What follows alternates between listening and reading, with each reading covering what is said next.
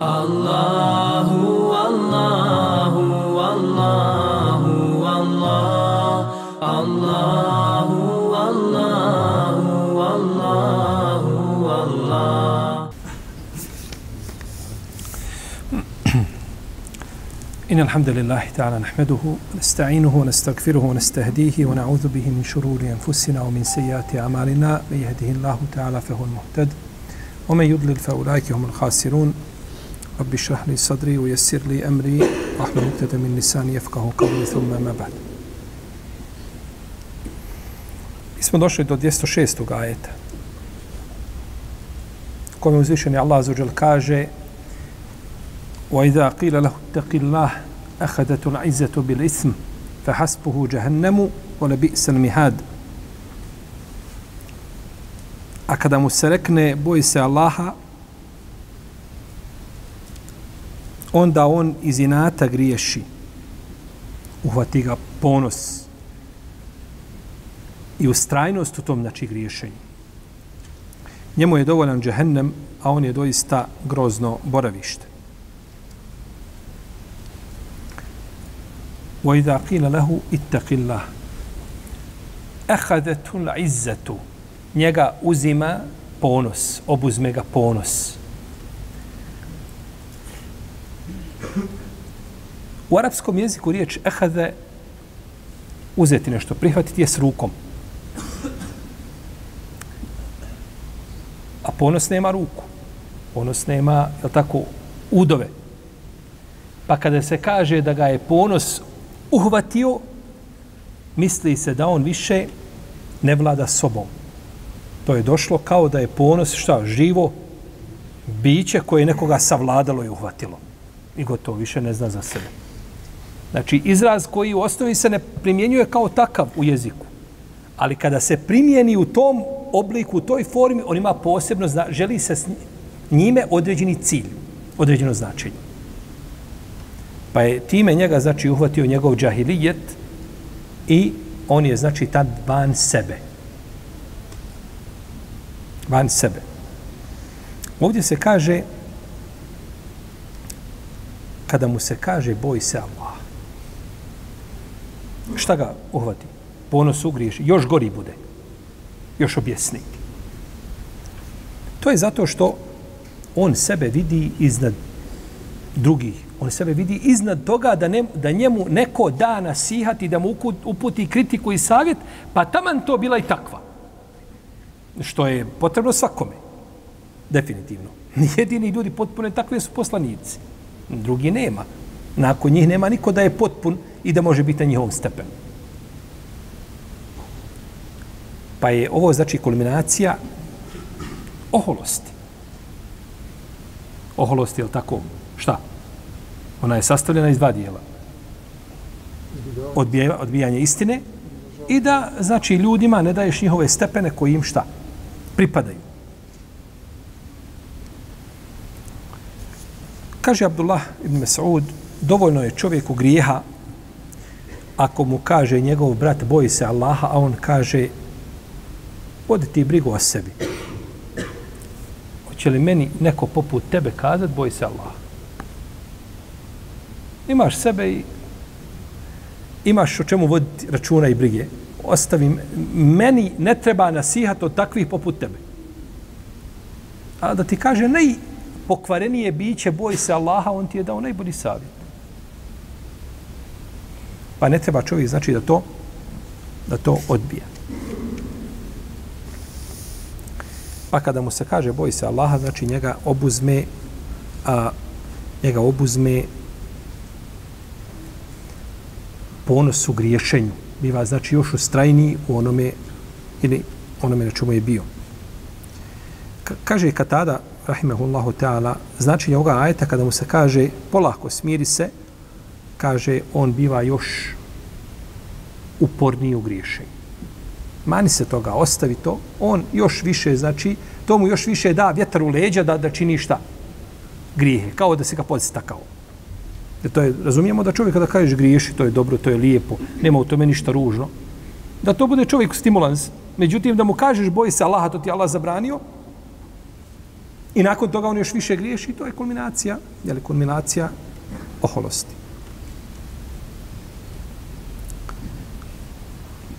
Beli ladine keferu fi izzetin u šikak. Oni koji ne vjeruju, oni su prave nađije.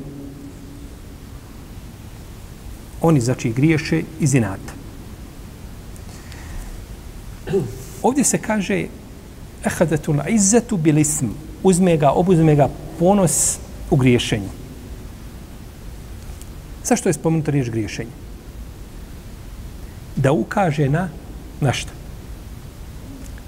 Na pogrdan ponos. Jer je ponos u osnovi pohvalan. Da čovjek bude ponosan, ne da bude ohol. Oholost je druga strana. Ponos je pohvalan. I da vjernik bude ponosan svojom vjerom, svojim imanom, u Allaha uzvišenog, to je pohvalno. Međutim, ovdje je došla riječ u griješenju da neko ne bi razumio da to što on radi, da je to ipak šta? Da to ima svoje mjesto. Pa je isključen i taj šta? I taj moment. Pa je isključen i taj moment.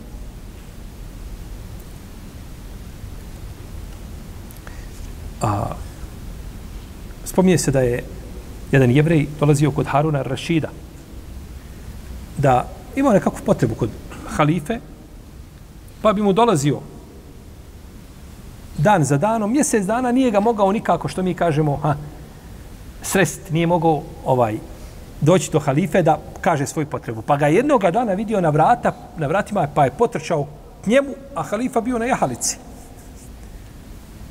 Pa mu je rekao, kaže, vladaru, kaže, vjernika, boj se Allaha. Pa je halifa sišao sa jahalice i učinio Allahu seđdu. Pa su mu spomenuli, kažu, što, kakva je to seđda? Čovjek ti rekao, ovaj, bo, ne musliman ti rekao, boj se Allaha i ti seđdu. Kaže, sjetio sam se, kaže, ovoga ajeta. Kad mu se kaže, boj se Allaha, obuzme ga ovaj, još veći taj ponos u griješenju. Pa kaže da ja ne bi bio od tih ljudi, sišao, učinio seždu, pa je naredio da mu udovolje u onome što je tražio. Znači, Harun Rashid nije rekao, dobro živ bio, ovaj, u šta ti vjeruješ, kako vjeruješ, i slično tom, nego je sišao i učinio seđdu. Rahimehullahu ta'ala wa radije anhu.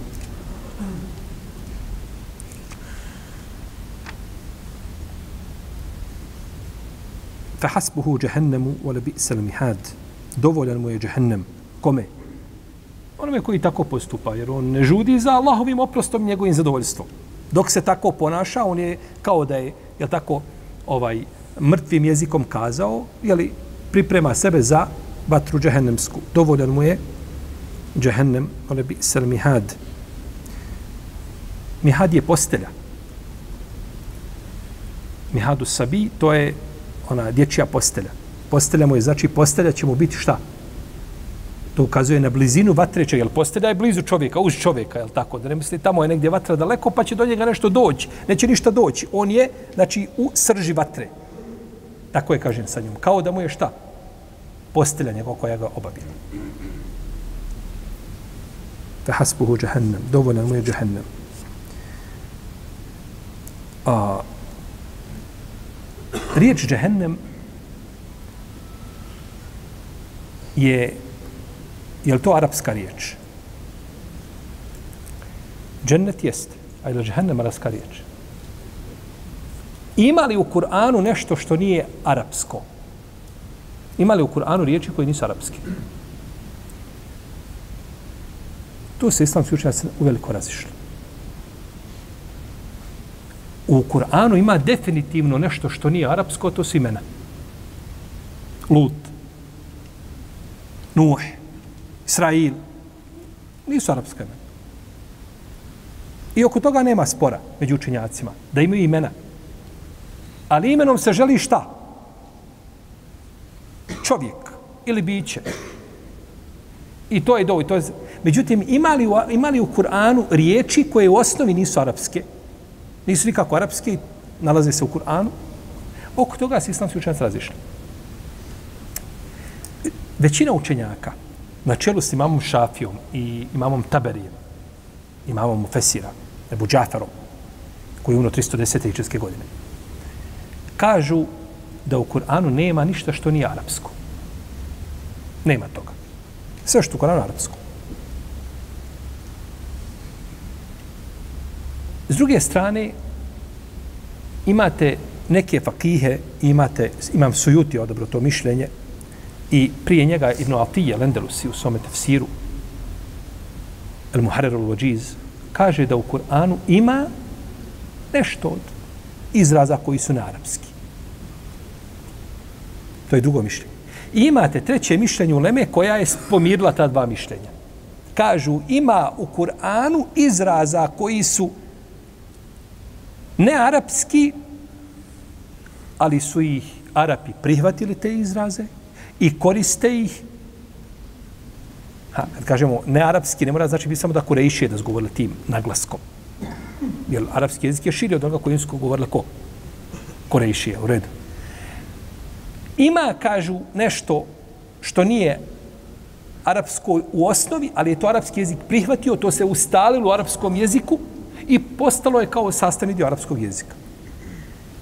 U nas ima, je tako, dosta riječi u našem jeziku, kada riječ je došla kao takva i niko ne pita, kako, šta si to rekao? Tamo majstori kad radi, kaže neko vaser vaga. Ili vaser vaga naša riječ?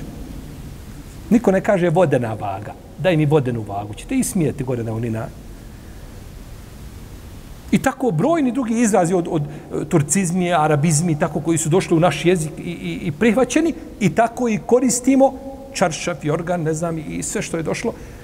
Niko više ne postavlja pitanje šta je. I nije nepoznanica nikakva i da je to izraz koji je nepoznat ljudima. I zato ovaj takvi izrazi se ne tretiraju uopće šta da su. Oni mogu biti stranog porijekla negdje tamo daleko, ali su u osnovi prihvaćeni u tom jeziku i postali sastavni dio čega? Toga, toga jezika. Kao što se određi običaj mogu negdje pojaviti u nekom narodu, pa i muslimani prihvate i dođu kod nje ti običaj, neko se sa šarijetom, nikakve smetnje nema, jel tako da, da, da se praktikuju. Iako osnovi nisu od običaja koga? Muslimani. Tako je po pitanju jezika. U protivnom, vidite, poslanik je sa kada je došao sa Kur'anom, mušrici u Mekki nisu propustili ni jednu priliku, a da ne ha, da ne traže greške, ali tako da ne udare na Musav. Pa bilo čime, hajmo ga lamom. Hajmo bilo čime. A nije potvrđeno da i kod njih kada rekao o Muhammede, stvarno došao si nam ovaj sa riječima, mi to ne razumijemo. Kakav je to jezik koji ti pričaš, molim te? Daj nam pričaj da, onako kako mi razumijemo, kako smo naučili, nemoj nam govoriti izraze i mi to ne kontamo šta to znači. To je nekakva čarolija. Daj nam izraze koji nikad to niko od nje nije rekao. I zato sve jedna riječ koja je u Kur'anu, Arab koji razumije arapski jezik, ovaj, jeli, oni Arapi u to vrijeme koji su bili, oni nisu ispitivali plaho oko ti značenja. To je njima bilo poznato. I niko nije s te strane prišao kome? Mushafu i da bi rekao ima problem u Mushafu. Nego zgovorili, zar je to učinio sve bogove jednim bogom? To je kod njih bila šuba. Kako to mi imali, toliko mi njih imamo, a ti sad odjedan sve to ovaj, učiniš da je to samo jedno božanstvo. I slično tome. Ali niko nije progovorio. Tako da je ispravno da ono u Kur'anu što ima, i ako ima nešto da je porijeklom bilo, mimo arapskog jezika, to je arapski jezik prihvatio i to je postalo kao da je arapska šta? Riječ. To je po pitanju jeli, ovoga, e, e, ovih riječi koje su došle, jel tako, a, za koje učinjaci neki kažu da su šta? Stranog porijekla, a nisu arapskog, jel tako?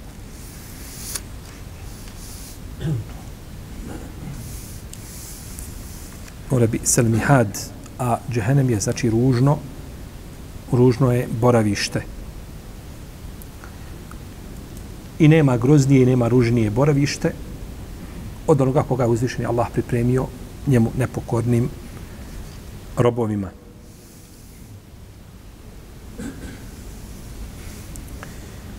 Potom kaže uzvišeni Allah zuđel وَمِنَ النَّاسِ مَنْ يَشِي نَفْسَهُ بْتِقَاءَ مَرْبَاتِ اللَّهِ وَاللَّهُ رَوْفٌ بِالْعِبَادِ Ima ljudi koji se žrtvuju u težnji za Allahovim zadovoljstvom. Allah je milosrdan prema robovima svojim.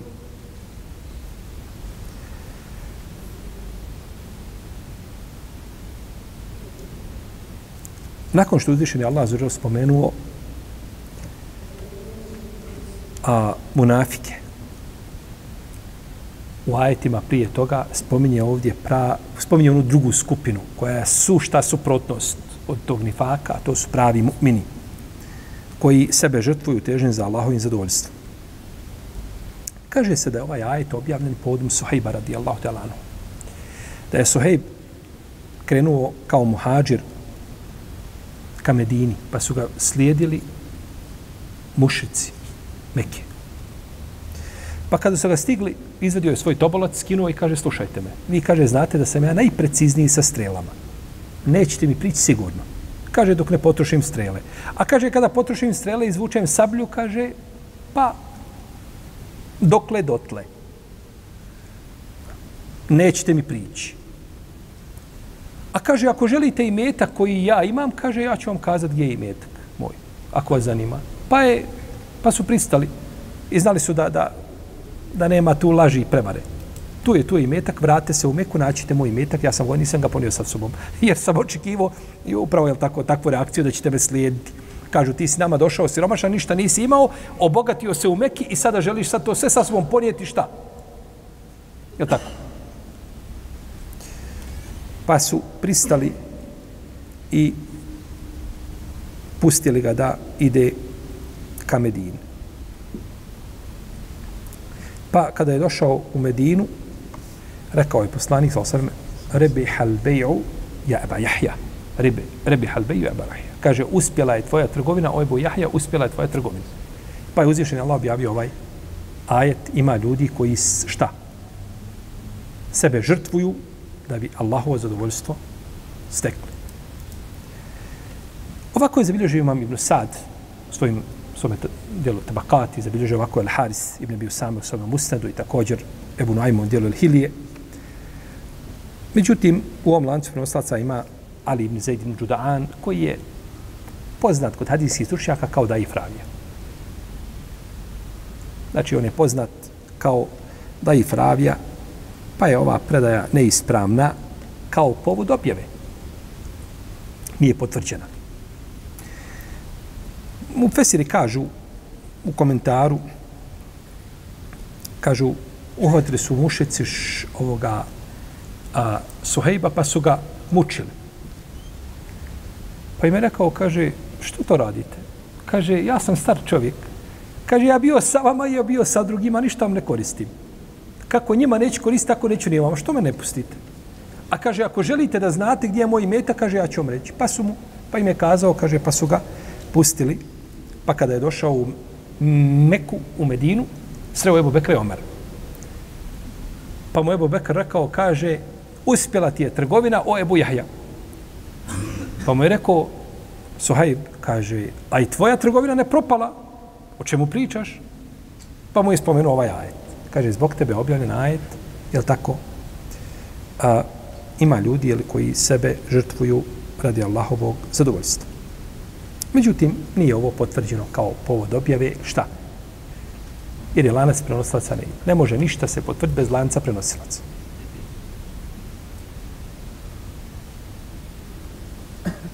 Pa je ajet vezan i za Suhejba ibn Sinana Rumija, časnog sahaba, i vezan je za svakoga nakon toga ko uradi nekakav hajr šta na Allahovom putu.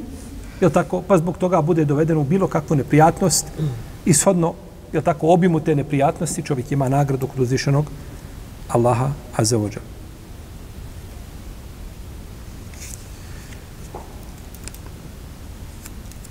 Ovaj istori vajet je došao a, pored što ima Ali ibn Zaid ibn Đudan u njegovom lancu prenosaca, on je došao kao riječi Sejid ibn Musejiba, kao mursel predanje. Sejid ibn Musayyib iako je od velikih tabijina, ranih tabijina. Svi njegovi učitelji su ashabi. I to najbolji. Čak je sreo i Omera. Kaže se da od Omera slušao.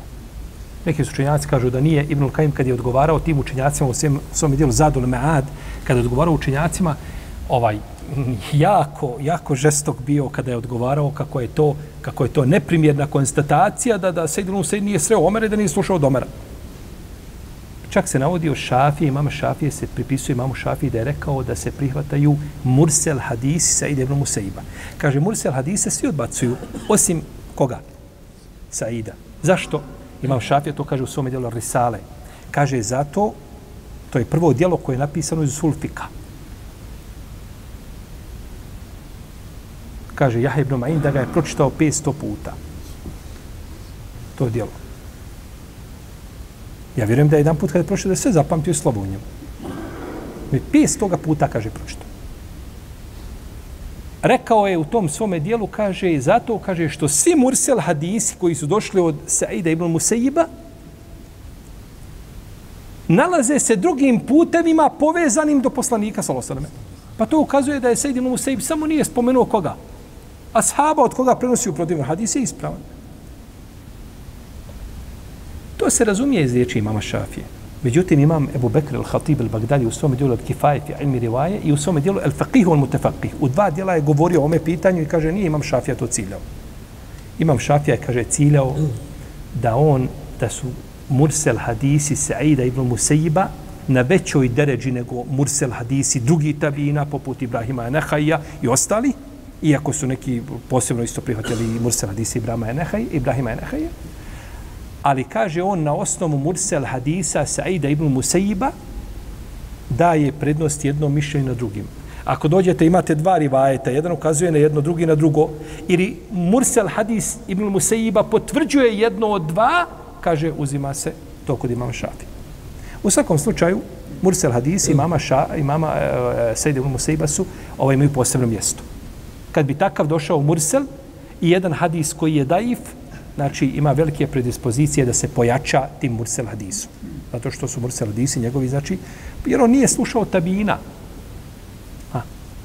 Nego je slušao uglavnom od koga od. I mi smo spomnjali ranije da ima ovaj, tako, ovaj,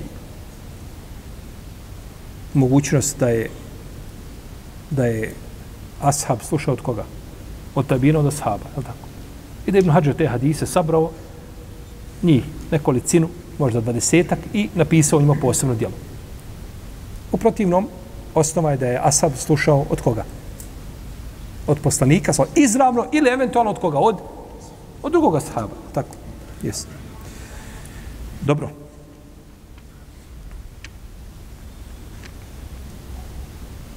Neki učinjaci kažu, ajte ovaj povod onih koji pozivaju na dobro i odvrćaju zla. I oni svakako u tome, je tako? Jer pozivati na dobro i odvrćaju zla nema, nema e, misije koja je časnija, a nema misije koja je u očima ljudi nezahvalnija. Jer čovjek te voli sve dok ga ne pouče za rukav i kaže boj se Allah, što to radi, što je zabranjeno, to ne može tako, trebaš ovako, što ne radiš ovako. I zato je, kada je Lukman, ali islam, savjetovao svoga sina, kaže, ja buneje, aqim sala, wa'mur bil ma'ruf, wanha anil munkar, wasbir ala ma yasa. Kaže, sine moj, obavljaj namaz, pozivaj na dobro i odvraćaj zla i kaže, strpi se na ome što se snađe. Znači, dok budeš pozivao na dobro i budeš odvraćao zla, ljudi će po tebi, je tako? I kuke i motike. Pa da će projektili sa svih strana. Naravno, to čovjek, ne treba sebi čovjek učiniti da bude policajac, braću, u društvu. I ti ideš i po džami samo očima, ha, ko će napred grešku i da ga moj si. Evo ga. Nisam. Nije to cilj. Ali kada vidiš nekoga, da je očitu grešku učinio i koja zaslužuje ukor i tako dalje, za ruku ga odvojiš na stranu. Na stranu i na samo ga odvojiš. Živ bio, Allah te poživio. I kažeš mu, jel, i objasniš mu propis. Neki kaže objavljeno povod, povodom bitke na Rađija. Zadnji put smo govorili o tome, jel, to je bitci smo govorili nešto što se dešavalo, tako neki je objavljeno povodom Alije radijalo onom da je, kada je bio gdje posteli, kada je poslanik ostavio, kada je otišao on, Ebu Bekr, kada su krenuli u Hidžru. Spominju se, znači, povodi različite, ali ništa od toga nije potvrđeno. Naj, najispravnije je rivajet Suhajba, Rumija, a i on je Dajif. Ali je naj, šta? Najispravniji. U smislu ima najmanju slabost jer ima lanas prenoslaca kojim se prenosi. I onda autor spominje, kaže, ovo je općeni tajet koji obavlja, koji obuhvata svakoga ko se žrtvuje na Allahovom putu i onoga ko poziva na dobro odličaj zla i sl. tome, a o pozivanju na dobro otačnju zla bit će riječi više u suri Ali Imran. O mine nasi men ješri. Šira u arapskom jeziku je kupovina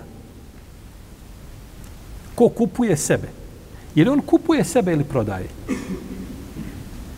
Šta je uradio? Kupio ili prodao? Prodao. Kao što kažu za Jusuf, ali sam, kao kaže uzvišeni Allah, žel, وَشَرَوْهُ بِسَمَنٍ بَحْسٍ دَرَاهِمَ مَعْدُودَةٍ وَكَانُوا فِيهِ مِنَ الزَّهِ Oni su ga oni su ga kupili za neznatu bagatelnu cijenu. Misli se šta da su ga braća prodala po toj cijeni. Da su ga braća šta? Prodala po toj cijeni. Ali mi prevodimo znači ovdje a i kupili su ga ili ili ljudi se značenje da se ljudi da se ljudi jeli, žrtvuju na Allah, da se žrtvuju na Allahom putu, pa zbog toga imaju šta? Imaju nagradu.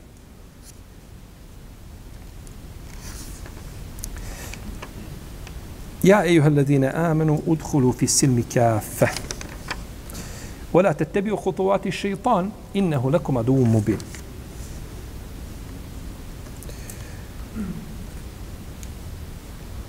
O vjernici, uđite u vjeru u potpunosti. Uđite u islam u potpunosti. I nemojte slijediti šeitanove stope. On je vama otvoreni neprijatelj.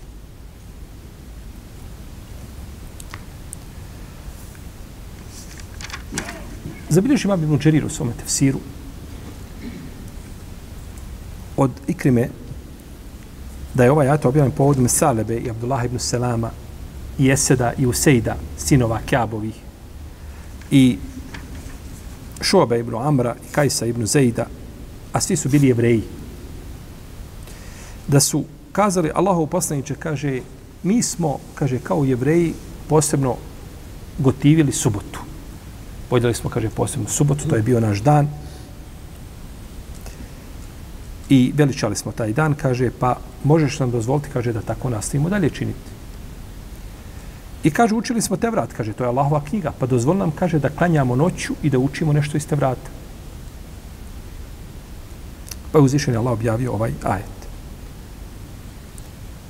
O, vi koji vjerujete, uđite u vjeru šta? U potpunosti. Uđite u vjeru u potpunosti. To je povod objave bio ovoga ajeta, kako je zabilježio Ibn Đarir, međutim, Ikrime nije doživio ovu, ovaj događaj pa je rivajet Mursel. I ima jedan ravija koji zove Ibnu Đurejđ, a on je bio obmanjivač kad prenosi hadise, a prenosi u formi od. Pa sto dvije mahane u lancu prenosilaca, obmanjivač mora kazati pričao nam je.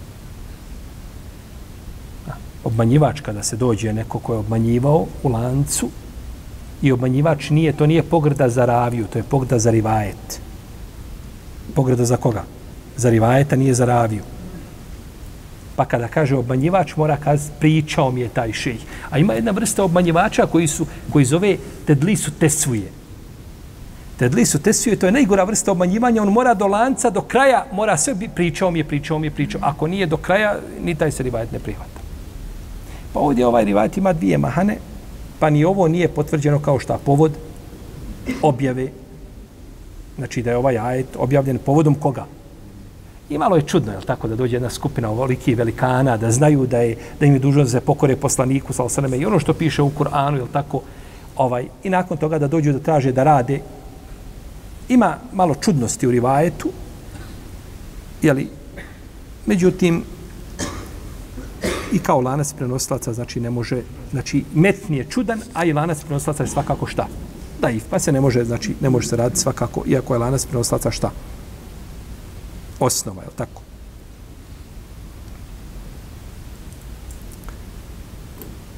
Nakon što udiši nalazu živo spomenuo ovdje nevjernike i muslimane i munafike, rekao je uđite o vjernici, uđite u vjeru potpunosti.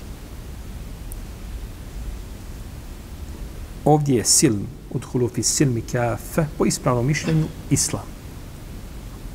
I tako bi trebalo prevoditi. Uđite u islam u potpunosti. Kaže Huzeyfe radijallahu ta'ala anhu, kaže ovo je skupina, znači veliki islamski učenjaka i Selefa kazala i to je, imam Taberi odobro to značenje. Da se ovdje silm odnosi na islam. Kaže Huzeyfe radijallahu ta'ala anhu u komentaru ovoga ajeta, kaže islam ima osam svoji a, dijelova. Kaže, jedan dio pripada namazu, jedan zekijatu, jedan postu, jedan hađu, jedan umri, jedan džihadu, jedan pozivanju na dobro i odreć, jedan odvraćanju na zla. Od zla. Osam. Šta? Namaz, zekijat, post, hađ, umra, džihad, dobro, pozivaju na dobro i odvraćanje od osam. Ovo je došlo ovako, autor je ovo spomenuo ovaj rivajet da je došao kao riječ Huzeife. I to je zabilježio Ibn Abi u svojom Usanefu kao riječ Huzeife. Međutim, Imam El Bezar je zabilježio u svome Musnedu ovo kao riječi poslanika sallallahu sallam. I šejh Albani je ovaj dao je zeleno svjetlo ome hadisu. Najmanje zeleno svjetlo koje se može dati, a to je da bude hasen li gajrihi. Znači, u osnovi je hadis daif, ali ima još jedan rivajet koji ga pojačava, pa se šta? Prođe, jeli, ima prolaznu ocjenu. Pa ne bi bila riječ Huzeyfe, nego koga riječ? Poslanika, sallallahu alaihi wasallam. Međutim, u lanci prenoslaca njegov ima Jezid ibn Ata, čiji su rivajeti problematični. Međutim, ima kod Ebu Jale da El Haris prenosi od Alije isti ovaj hadis. Pa je to došlo šta? i od Alije, kao rivajet Alije. To se zove šahid u hadiskoj nauci, zove šahid. Rivajet koji mu svjedoči. Ali taj je problematičan rivajet zato što njega prenosi El Haris. El Haris, on je El Awar, a on je njegovi hadis samo za spakovati negdje u stranu.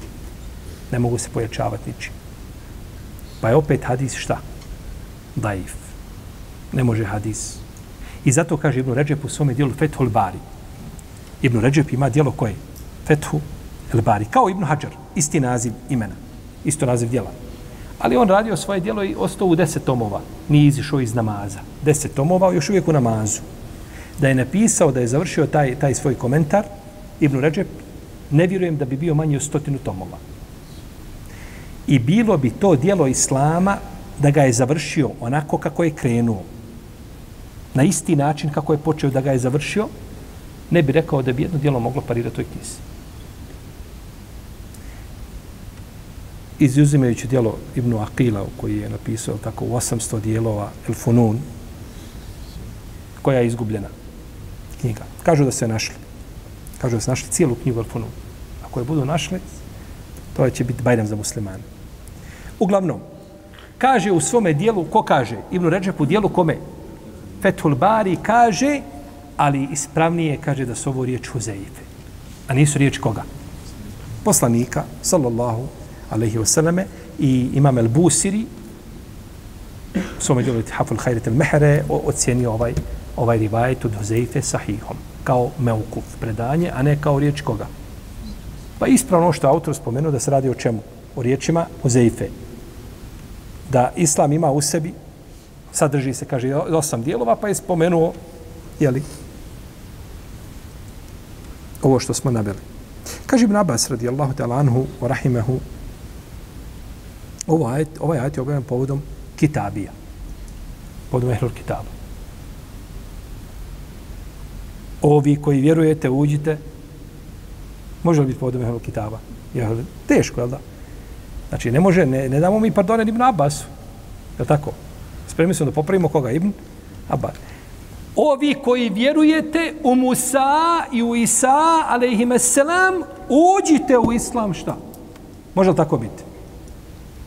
Jer oni vjeruju, oni vjeruju šta, pa im je islam im se obratio tako, ako vjerujete istinski, onda uđite u islam. E to je prava vjera. To je jedno tumačenje, ali tako? Jedno od čega? Jedno tumačenja. Jer je rekao poslanik u hadisu, ali tako, kod muslima debu u kaže, neće za mene čuti ni jedan jevrej i ni jedan kršćanin Tako je morga učinio ruci Mohamedova duša. Neće za mene čuti ni jedan jevrej, ni jedan kršćanin. Potom ne povjeruje ono čime sam, u ono čime sam poslan. Kaže, da neće biti stanovnik vatre. Neće čuti. Dovoljno da čuje. Bio poslanik Muhammed. Da čovjek koji dok čuje, šta da? Da traži. Tako. Da traži istinu. Dobro. Ovdje se kaže udhulu fi silmi kafe. Uđite u islam kafe riječ u potpunosti, u cijelosti. Kad se kaže kafe tol ulema, znači svi učenjaci. Uđite u iz... Ove riječi kafe u cijelosti, na šta se odnose? Jesu li ove riječi, jesu li ovim riječima ciljani? Ljudi koji ulaze, koji su pozvani da uđu u islam, ili je ciljan islam? ili drugim riječima. Je li ovdje rečeno, o vjednici uđite vi svi kompletno u islam ili o vjednici uđite u kompletan islam, prihvatite kompletan islam, a nemojte neke njegove dijelove. Na šta se odnosi? Može biti na jedno i na drugo. Može biti na jedno i na drugo da se odnosi. A nije, nije isključeno da je smisao da se odnosi na šta je na jedno i na ovi vjernici svi kompletno, jeli, uđite u kompletan islam i prihvatite islam kao cjelinu, a nemojte uzmati iz islama ono što, što vam šta odgovara. Nemoj znači biti ili tako nekakav musliman koji je jeli, a, a, ušao u islam djelovično. I to je ljepota kuranskog izražavanja. Kaže Mukatil, poznati mu Fesir, kaže da je Abdullah ibn Selam i njegovi jarani, kaže da su tražili da čitaju te vrat u namazu a, i da rade nešto u te vratu što je došlo od hajra, da se po tome radi. Što spomi, pa je, kaže objavljeno ovaj aj, znači prethodno značenje, međutim, ni ovo nije potvrđeno, jeli? jer je hajr u sljeđenju poslanika sa osaname, a ne u sljeđenju šeitanskih stopa. Jer ko bi radio po nekakvom drugom vjerozakoniku, mimo onoga kojim je došao poslanik, salame, on ne bi ušao u islam šta u, u potpunosti. Ne bi ušao u islam u potpunosti. I zato uzvišen Allah kaže, nemojte slijediti šta šeitanove stope. U Kur'anu nema nemojte slijediti šeitana. U Kur'anu se ne kaže nemojte slijediti šeitana. Nemo, nemojte slijediti šta šeitanove stope. Jer šeitana niko ko će da kaže tvoj sljedeću, pa niko ne sledi šeitana. I ole, razuman čovjek neće slediti šeitana. Međutim, šeitan ne, ne, ne traži da njega neko sledi direktno, nego stopu po stopu. On je, šeitan ima sabura i ima planove. Ti samo možeš, ovaj, ne može, možete ponekad odvesti do dobra da bi te iz tog dobra odveo u šar. Jer šeitan je zadovoljan šta mu god daš kod njega je parola nepisana daj šta daš. Nemoj obavljati ono što je do, bolje obavljaj ono dobro. Ostavi hajr koji činiš, čini nešto što je manje hajr, on je zadovoljan ako ništa ne dobije. Nemojte slijediti šeitanove stope. I mi smo o tome govorili ja u ajetu ja ledine amenu kulu mima fil ardi halan, halalen tajiben wala te tebio hutuvati šeitan innehu lekum adu mubin.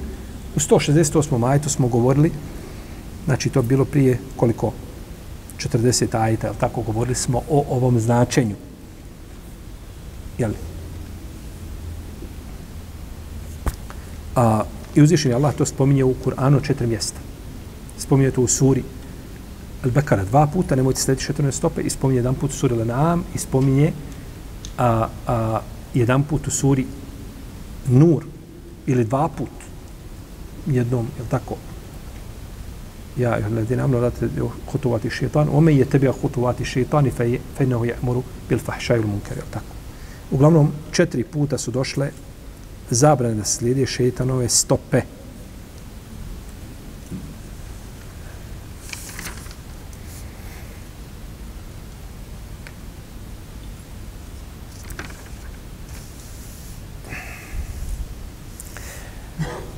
Potom uzvišeni Allah zužel kaže fa in zalaltu min ba'di ma ja'atkum al-bayyinatu fa'lamu anna Allah azizun hakim.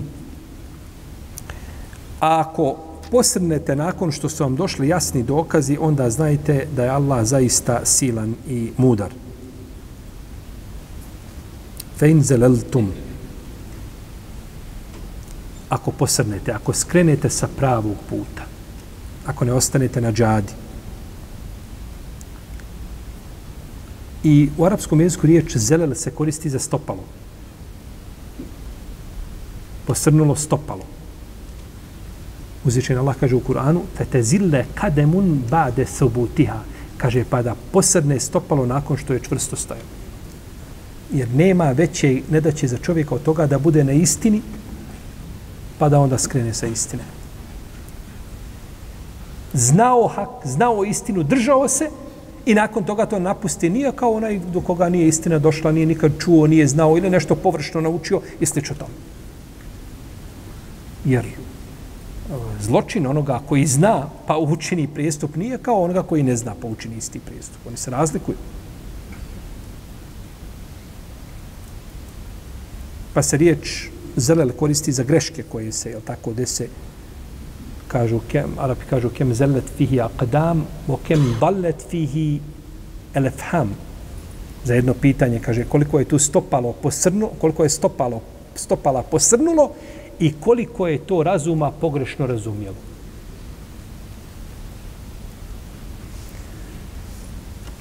Min badi ma džaetkumul bejinat, nakon što su vam jasni dokazi došli, nakon što sam jasni dokazi došli, kome? K koji dokazi? Poslanik sa osvijem njegove muđize, ajeti kuranski, ako je riječ o vjernicima. Ako se ajet odnosi na koga? Na mu'mine. A ako se odnosi na ehlul kitab, onda nakon što sam jasni ajeti došli, oni koji spominju koga? Muhammeda sa osanem i najavljuju, nagovještavaju njegovu šta? Pojavu, je tako? Njegovo poslanstvo. Pa je ajet, znači, ovako je uspostavljen, znači, dokaz i protiv jednih i protiv drugih. Jer je uzvišen Allah, braćo, a, isključio tu mogućnost da čovjek kaže i da se pravda na sudnjem danu. Jedna skupina Ehlul Fetra, to je drugo, to je nešto posebno, do koji nešto nije došlo nikako, živjeli ljudi, nisu mogli saznati, to, to, je, to su iznimke. U iznimkama nije nikakav propis. To je zasebno uzvišeni Allah je prekinuo sve puteve ljudima, ako ljudi koji su živjeli nekada, ne znam, u vrijeme poslanika, sa sam razbacani po, po, po džeziri, nisu imali opravdanje nego da dođu i da čuju šta je poslanstvo, šta onda danas zakazati ko ne mora nikuda izići? Nogu preko noge ovako lijepo uz čaj, polako saznati u islamu sve. U detalje nikakav problem. Nikad više ljudi nisu, nikada nije, nije nauka bila pristupačnija ljudima, a nikada više na zemlji nije bilo džehla i nepoznavanja. Tako da opravdanja nema niko. Nakon pojave Kur'ana, oprav, ti koji imaju opravdanje su rijeđi nego rijetki. I to je poseban hukm, To oni ne, ne ulaze. U protivnom, ne može se niko pravdati. Živio među muslimanima, Kur'an objavljen, knjiga, tovar oštampani, gdje god dođe u džamiju, čuće, gdje god dođe na džumu, čuće nešto. Da, ali meni niko nije došao u stan i provalio meni vrata i zavezao me i nasilo me donio u džamiju. Ja to očekujem da neko uradi. To niko nije dužan da radi. Ti si dužan da tražiš istinu i da tražiš hak. Jer te uzvišen je Allah obavezao time. Da koristiš svoj razum i da tražiš istinu. A nije te obavezao da sjediš u kuće da te neko nasilu utjera u, u, u islam.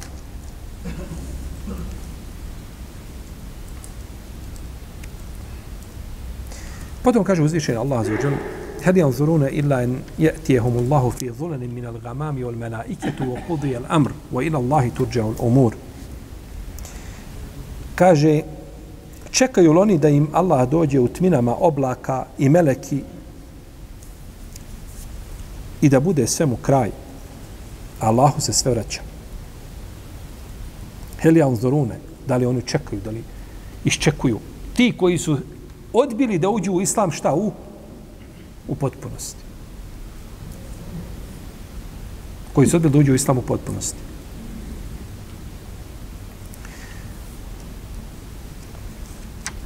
Ovaj savjet odnosi na sudnji dan.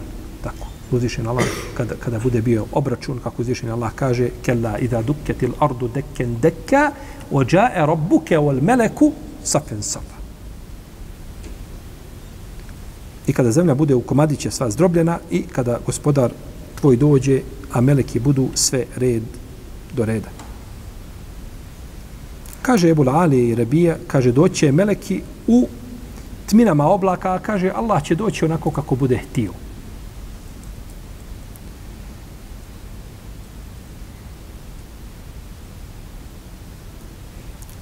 Neki učinjaci kažu ovo se odnosi da će doći Allahova odredba. Ne, ne se ne razumije ajet šta? Globalno da će Allah doći. Nego će doći šta? Allahova odredba. Pa će doći njegova, njegovo obećanje znači za obračun, kaznu koju je znači pripremio ili nepokornim robovima i slično tome. Ili da će doći nagrada. Neki učenjaci kažu ovo je od ajeta koji se ne tefsire. Ovo, samo Allah zna šta njihovo doći će. Da li on čak da im dođe njihov gospodar. To da dođe gospodar, kažu to se ne tefsiri, jer to ulazi u, u ovaj nejasne ajete i to samo Allah zna šta, šta se time ciljalo. Mi smo, sjećate da, da smo mi davno govorili nekada o tefuidu. Tefuid. Pa smo govorili da imaju dvije vrste tefuida, ako se sjećate. Prošlo malko vremena, jel da? Uglavnom, kažu, to se ne tefsiri. Kaže autor, ono što nije, kaže, definitivno ispravno i nije dozvoljeno, kaže da se ovo a, tumači kao kretanje, kao pomjeranje s mjesta na mjesto, jer to je svojstvo tijela. Tijelo je to koje se pomjera s mjesta na mjesto. A kažu gospodar, kaže, ne može ličiti nikome, pa se ne smije tako ne smije se tako tumačiti. Nego se tumači metaforički. Kaže, tumači se ovo, kako autor rekao, tumači se metaforički. Rahimahullahu ta'ala. Autor je naravno ovdje a, posegnuo za tim metaforičkim tumačenjem, ovaj, o čemu smo i ranije nekada spominjali, govorili, što nije, nije ispravno ovo tumačenje treba tumačiti onako kako su ga Allahova svojstva treba tumačiti onako kako su ih tumačile prve generacije. Uzvišeni Allah kaže hel yanzuruna illa an yatihum Allahu fi dhulalin min al-ghamam. I kaže وجاء ربك والملك صفا صفا pa imamo međi el međi imamo elitijan to su dvi, dva, dva svojstva Allahova kojim je sebe opisao u Kur'anu. Dva svojstva kojim je sebe Tebarek tala opisao u Kur'anu. Evo jeti je rabbuk, evo jeti je ba'du ajati rabbik. Kako kaže u suri Al-Araf, da dođe tvoj gospodar ili dođu neki dokazi gospodara tvoga. Autor je ovdje odabrao znači metaforičko tumačenje. Međutim, Kur'an potvrđuje Kur'an potvrđuje šta? U Kur'anu po spoljašnjem značenju bi bilo da se to odnosi na stvoritelja i da je to dolazak uzvišenog Allaha. Da će doći uzvišeni Allah. Mi imamo u hadisu kod Buhari i kod muslima u hadisu Ebu Sejda al-Hudrija da je rekao u podružem hadisu da je rekao, kaže, glasnik će povikati neka svaki narod i svi ljudi neka slijede ono što su obožavali. Pa će svi slijediti što su obožavali, pa će skončiti u vatri. Duži hadis, ostaće vjernici. Ostaće vjernici. Pa će im se kazati šta vi čekate? Kažu mi čekamo našeg gospodara. Pa se kaže u hadisu i tada će doći silni tada će doći gordi, te barake o teana. Doći će.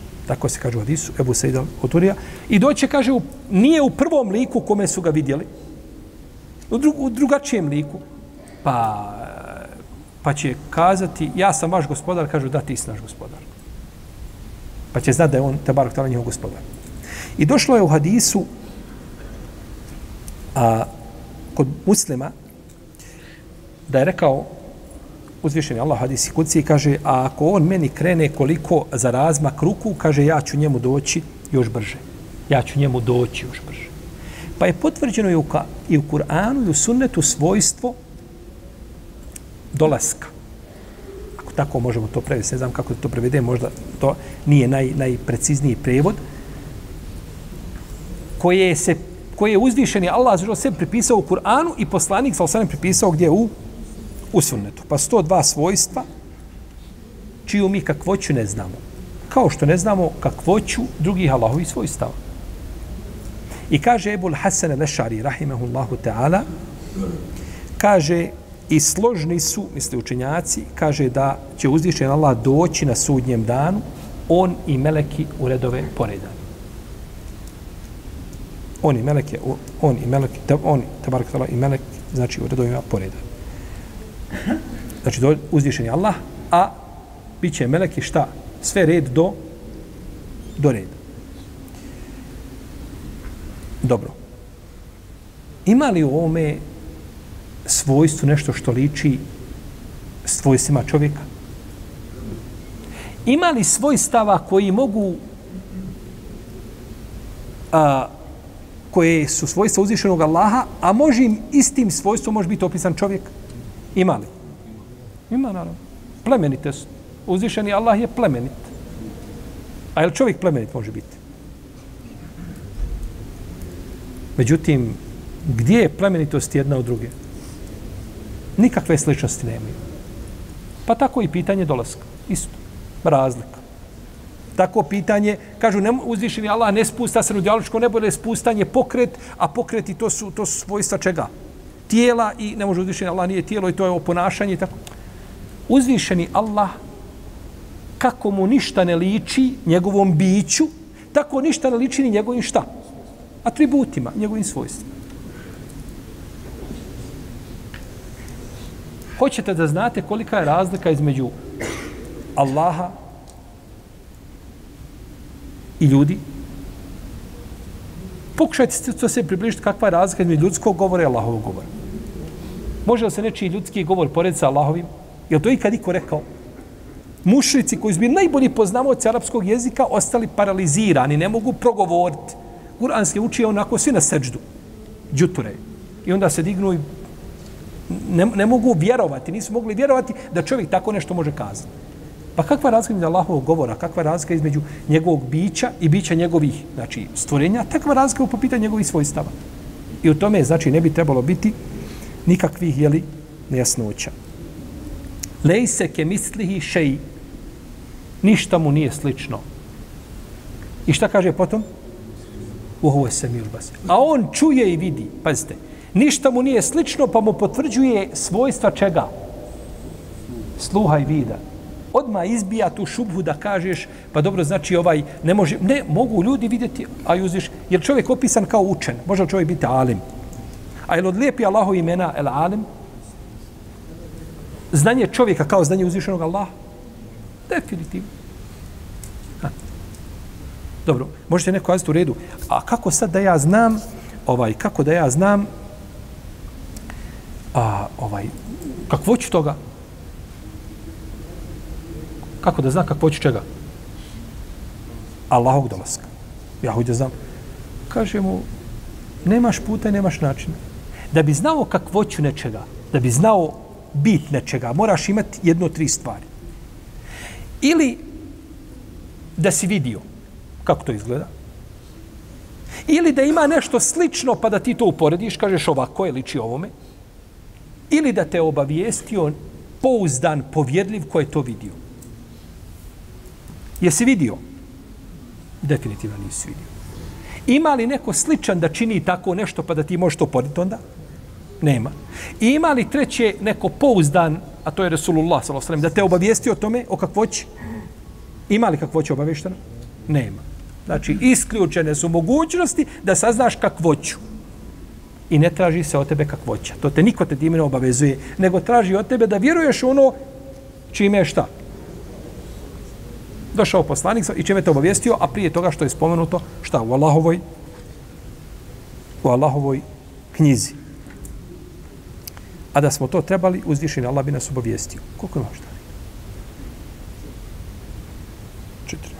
Dobro, imamo, možemo dovršiti, pošto smo počeli o ome govoriti, imam a, Ebu Asmane Sabuni, ima dijelo koje se zove Akidetu Selefu Ashabil Hadis. U ome dijelu on je spomenuo ovo pitanje. Kaže na 192. strani, kaže i oni potvrđuju, misli na Ashabul Hadis, sledbenici hadijske škole. Kaže, oni potvrđuju, kaže da je dolazak El Međi u Litijan, kaže da sto dva Allahova svojstva koja je spomenuta u Kur'anu. I kaže, pročitao su jednoj risali od Ebu Bekra El Ismailija, kaže, koju je napisao stanovnicima Džilana, da je rekao uzvišeni Allah se spusta na dunjaločko nebo. Potom je, kaže, spomenuo da je došlo vjerodostojnom hadisima, vjerodostojnim i u ajetima, znači da će uzvišeni Allah doći na sudnjem danu. Kaže, bez određivanja kakvoće i bez preciziranja kakvoće, kako će uzvišeni Allah, jeli šta, doći. Jer kaže da je htio, to bi nam uzvišeni Allah pojasnio. Znajte, ono sve što uzvišeni Allah nam nije spomenuo, to nam ne treba. To ne treba da znamo. Uzvišen Allah mogao izaći da, da se pokaže ljudima kao što se pokazati vjernicima na sudnjem danu u, u džennetu. Mogao je. Nije htio. Znači, dok se nije pokazao, to nama nije trebalo ovdje na Dunjaluku, mi imamo ono što nam je dovoljno da povjerujemo našeg gospodara, te barake o tealu.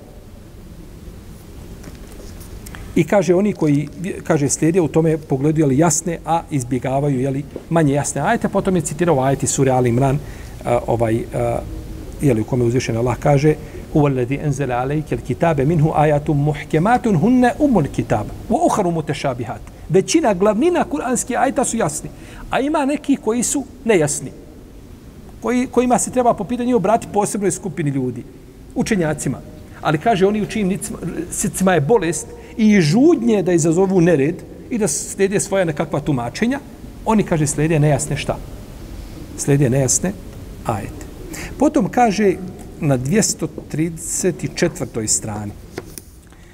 Odgovarajući onima koji su porekli a, a, svojstvo da se uzdiše Allah spusta na dunjalučko nebo, potom je citirao ajet i doće gospodar e, tvoj i meleki sve u red do reda poredani. Kaže, ako nam kažu kako će doći, kažu, to se od vas ne traži. Vi niste zaduženi da vjerujete kako će da, da niste zaduženi da vjerujete u kakvoću toga, niti imate mogućnost, nego ste zaduženi da vjerujete u ono što uzvišen Allah rekao. U redu. Šta je problem ako neko kaže drugačije? Metaforički kaže nije to dolazak. To je neko posebno, znači mi ne znamo koji. Gdje je problem? Ima tu problem u stvari? U čemu? Zbog čega? Što se oko toga onda priča i oko toga se često koplja love i tako dalje. Problem je u tome što uzvišen je Allah rekao da će nešto biti. Desit će se tako. I ti kažeš neće tako. A uzvišen je Allah rekao hoće tako biti. Pa onda ispadne da ti poričeš šta? Ono što uzvišen je Allah, naravno, braće, od uleme, niko to nije ciljao da se razumijemo. A, nikome nije dozvoljeno da učenjake koji su metaforički tumačili svojstva, da, da, da, da, da, da ih blati, Bože sačuvaj, to je naša ulema, njima Allah oprostio njihovi čtihad, oni su imali pravo da i čtihade, pogriješili su svome čtihadu, Iako ova pitanja akajda, koji se trebalo zustaviti na onome na čemu su bile prve generacije, međutim, to ne smiju nikako biti vrata kroz koje će ljudi ulaziti i napadati i vrijeđiti islamske učinjake. Greška se popravi, na grešku se ukaže, ide se dalje, učinjaci imaju svoj hurmet i nije dozvoljeno, a naročito nama, običnim masama, da mi, ovaj, da nam budu učenjaci zbog toga mete. Eto, on je nekog učenjaka je pogriješio i metaforički nešto protumačio i onda mi nakon toga, nije to naše. Vraćamo se onome kako su vjerovale prve generacije, na čemu se složile po pitanju Akaida i to je, to je ono što je bilo poznato kod, kod najispravnijih, znači mus, na, najboljih muslimana, a nakon toga znači učinjaci imaju svoj hurmet i na taj hurmet treba paziti jer ovaj to je naše blago i ne bi trebali da mi sjećemo jel tako svojom rukom granu na kojoj na kojoj sjedimo. A, ovim bismo završili ajet uh, jeli 210 i nastavit ćemo u narednom predavanju. Allahu Teala nam sallallahu ala nabina Muhammed وعلى آله وأصحابه أجمعين. الله الله الله